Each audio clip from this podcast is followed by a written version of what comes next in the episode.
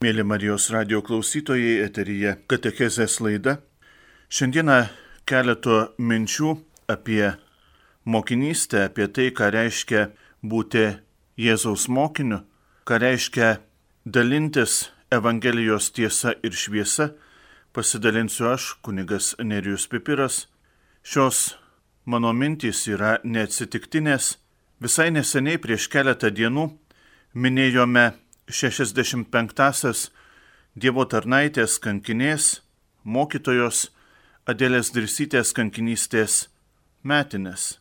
Ir tai yra puikia proga pasvarstyti, ką reiškia būti Jėzaus mokiniu, ką reiškia Jėzaus šviesą dalinti kitiems, ką reiškia sekti Jėzumi pačiais sudėtingiausiais gyvenimo momentais.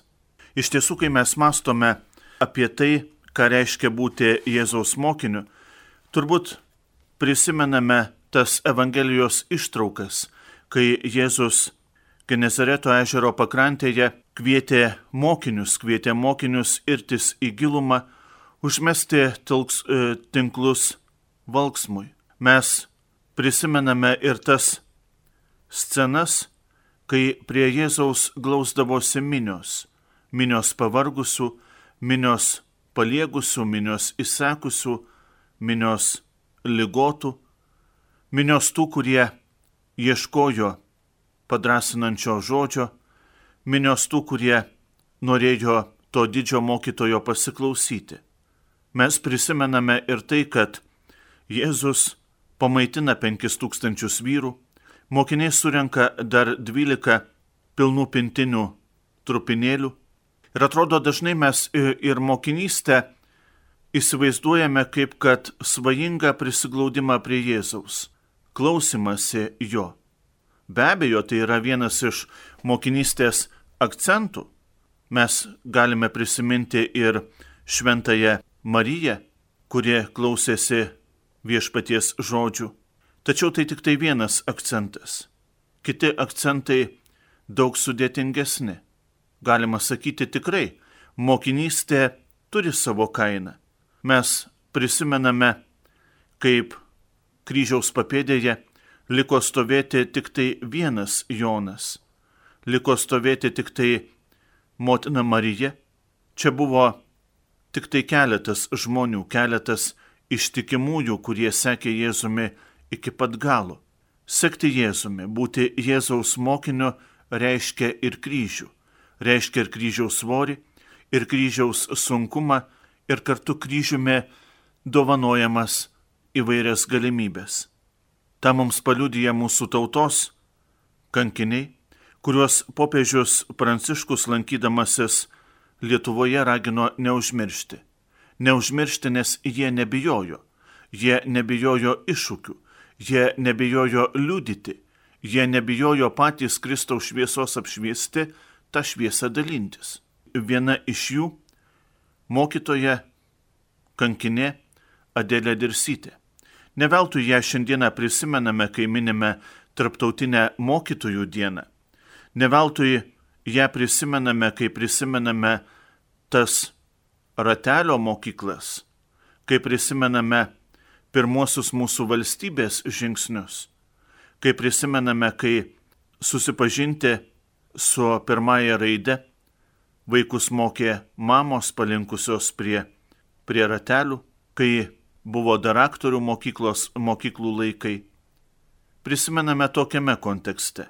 Šiandieną noriu sikviesti, kad ją prisimintumėm ir kaip mokytoja, kuri neapsiribojo tik tai mokyklos klase, neapsiribojo tik tai reikalavimais ir dokumentais, tačiau ugdė asmenybę. Popiežius Pranciškus savo katechezėje apie kankinių stiprybę, viltį kankinių stiprybę, sako, kad krikščionys vyrai ir moterys yra tie, kurie plaukia prieš srovę.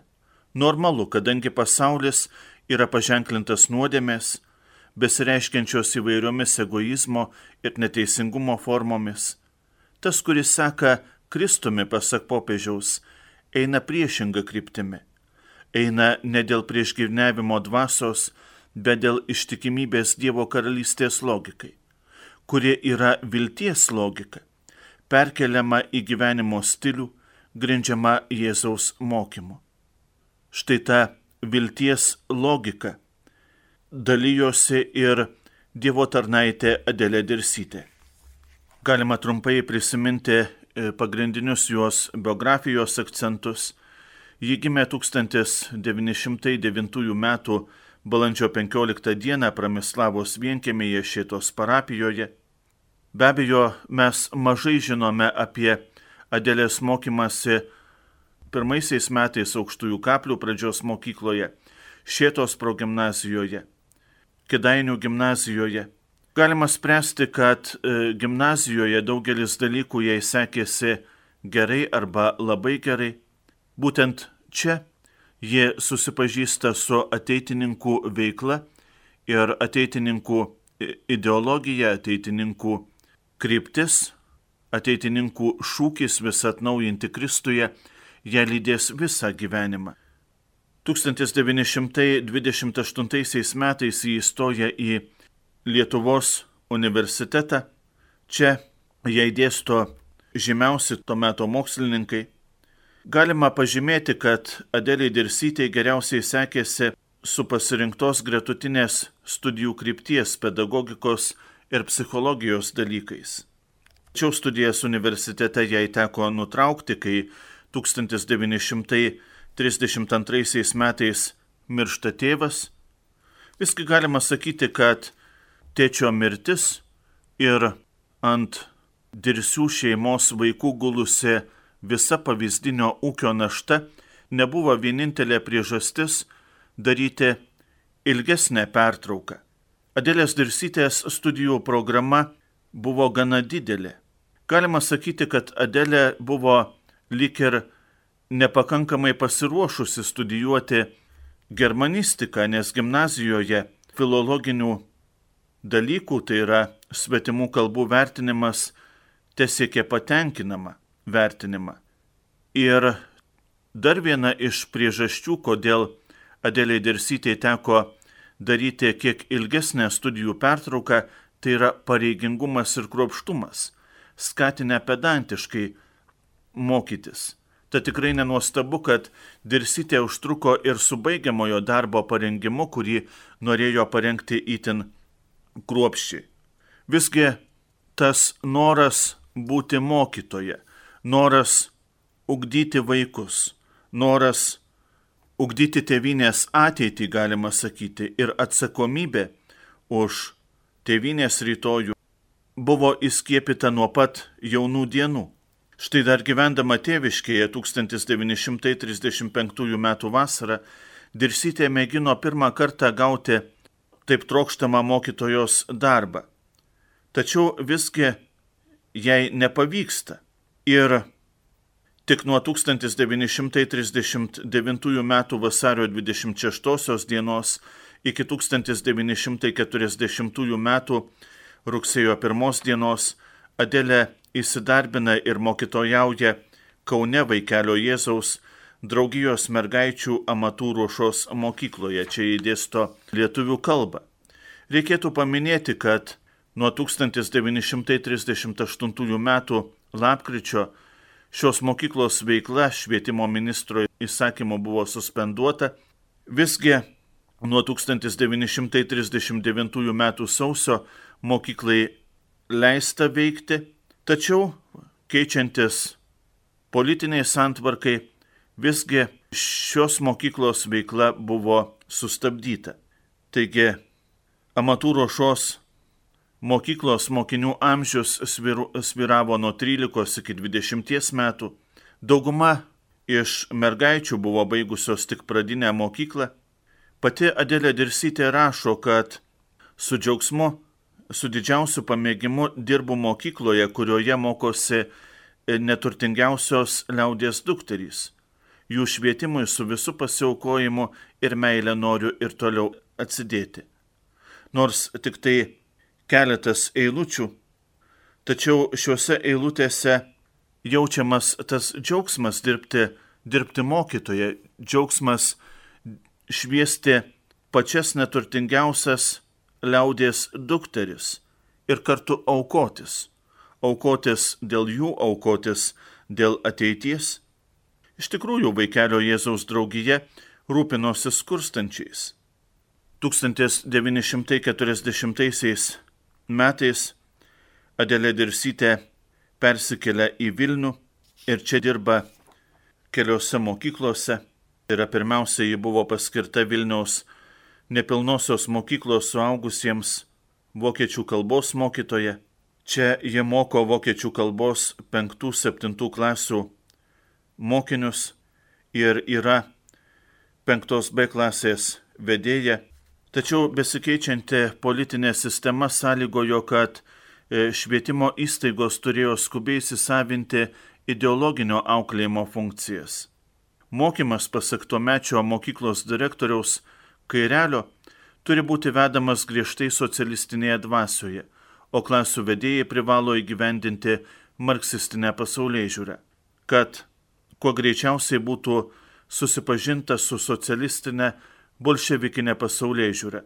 Ir todėl reikia kuo greičiau ir kuo skubiau įsigyti ir studijuoti atitinkamą literatūrą, Taigi prasideda mokyklos stalinizacija, jos vadovai įsitraukia į išlikimo varžybas, lydimas abipusių skundų ir ideologinio angažuotumo stogo, stokos.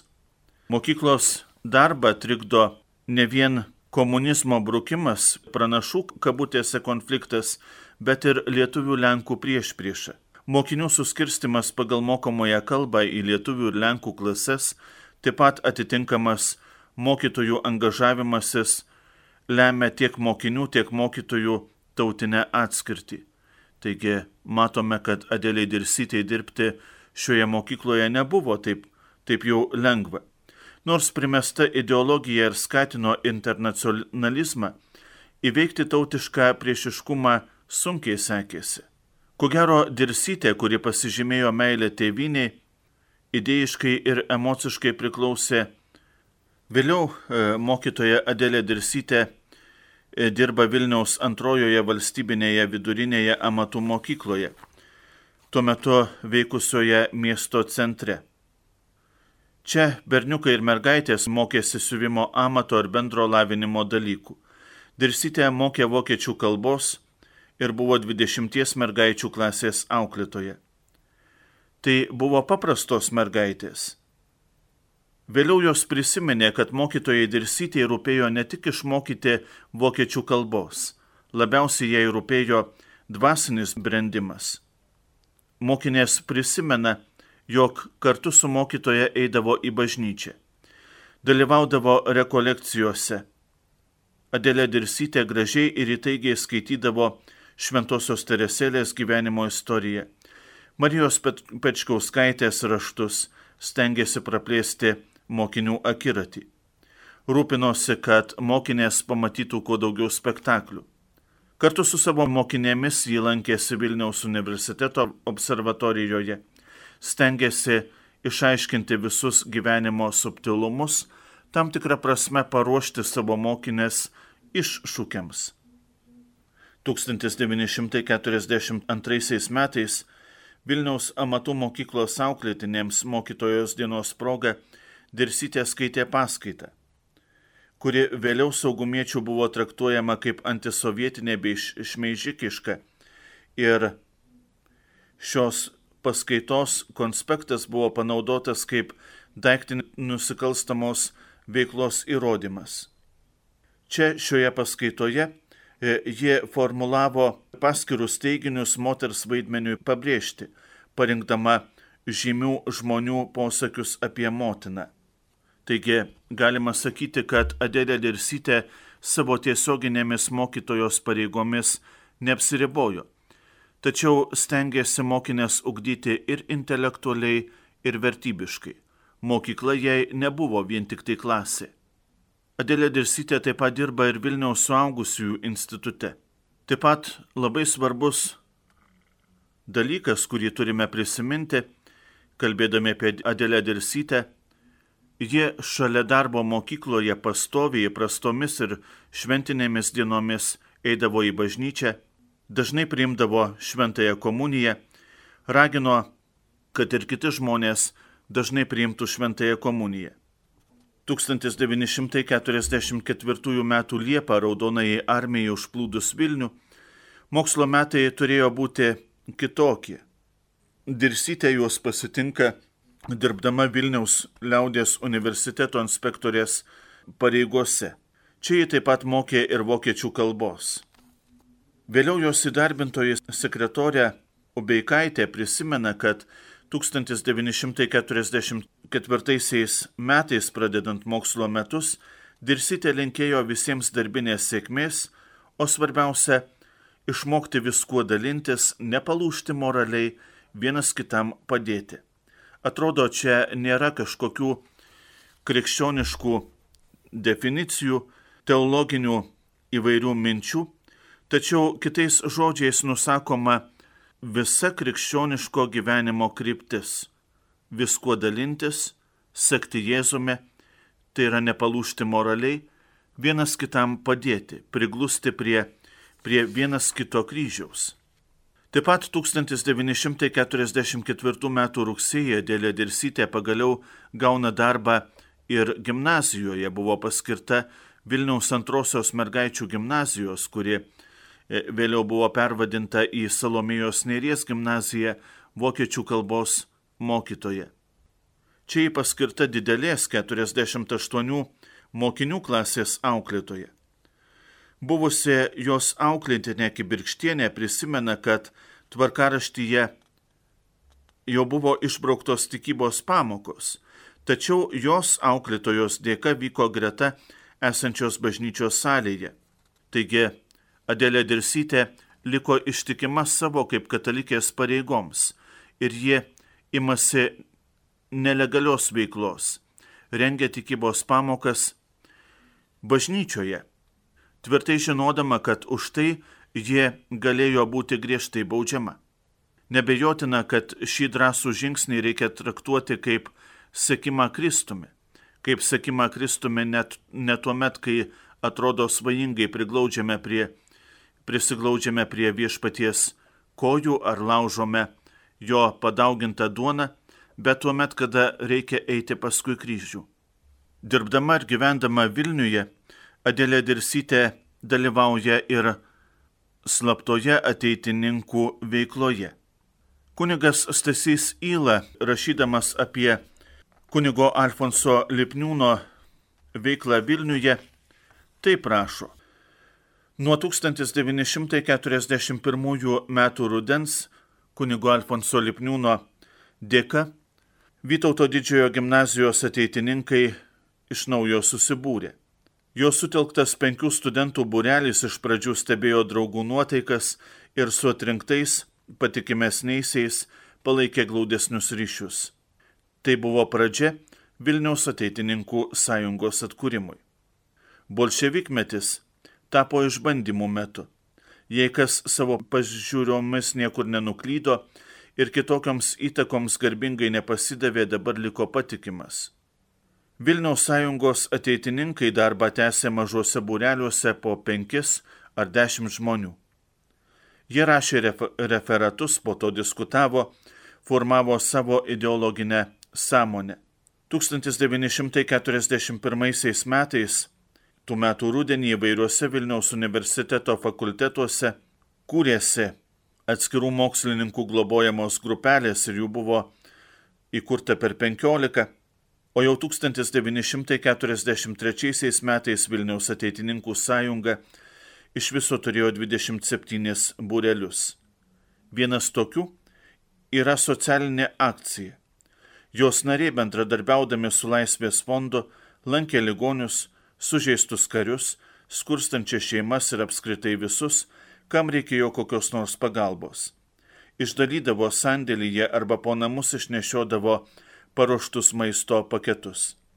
Daugiausia tai buvo merginos studentės, doros, sąžiningos, kuriomis kunigas Lipniūnas pasitikėjo, nes jas gerai žinojo. Taigi tokioje veikloje dalyvavo ir Adelė Dirsytė, bei skatino savo mokinės taip pat šioje veikloje dalyvauti. 1946 m. kovo 6 d. Adelė Dirsytė yra areštuojama, Vėliau nuteisama dešimties metų lagerio bausmiai, penkeriems metams tremties, iš Adelės Dirsytės Lietuvon siunčiamų laiškų ir iš kalintų su ją moterų liudyjimo buvo galima nustatyti, kuriuose vietose ji buvo, dirbo, vargo, kentėjo.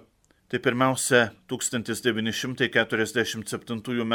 rudenį Adelė Dirsytė buvo išlaipinta Čumoje.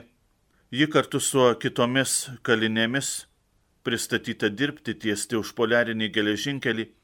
Darbas čia buvo sunkus, reikėjo atkasti sniegą, atkirsti gabalais įšalusią žemę, rogutėmis vežti iki pylimo, išversti ir vėl atgal ir vėl kartoti tą pačią procedūrą. Fizinėms jėgoms įsisėmus dirsytė ir kitos kalinės perkeliamos prie lengvesnių darbų, tačiau neilgam.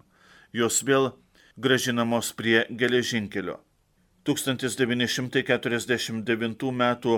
gegužės 4 dienos laiške dėlė rašo, kad po ilgo vežiojimo kažin kažkur sustojo, štai mes jau Azijoje, Altajaus aukštumose, matėme lietai tekantį jau ledus išnešantį Jenisėjų, matėme Pečiorą, Kotlosą, Kyrovą, Vereščiaginą, Omską, Tomską ir daug kitų miestų bei miestelių.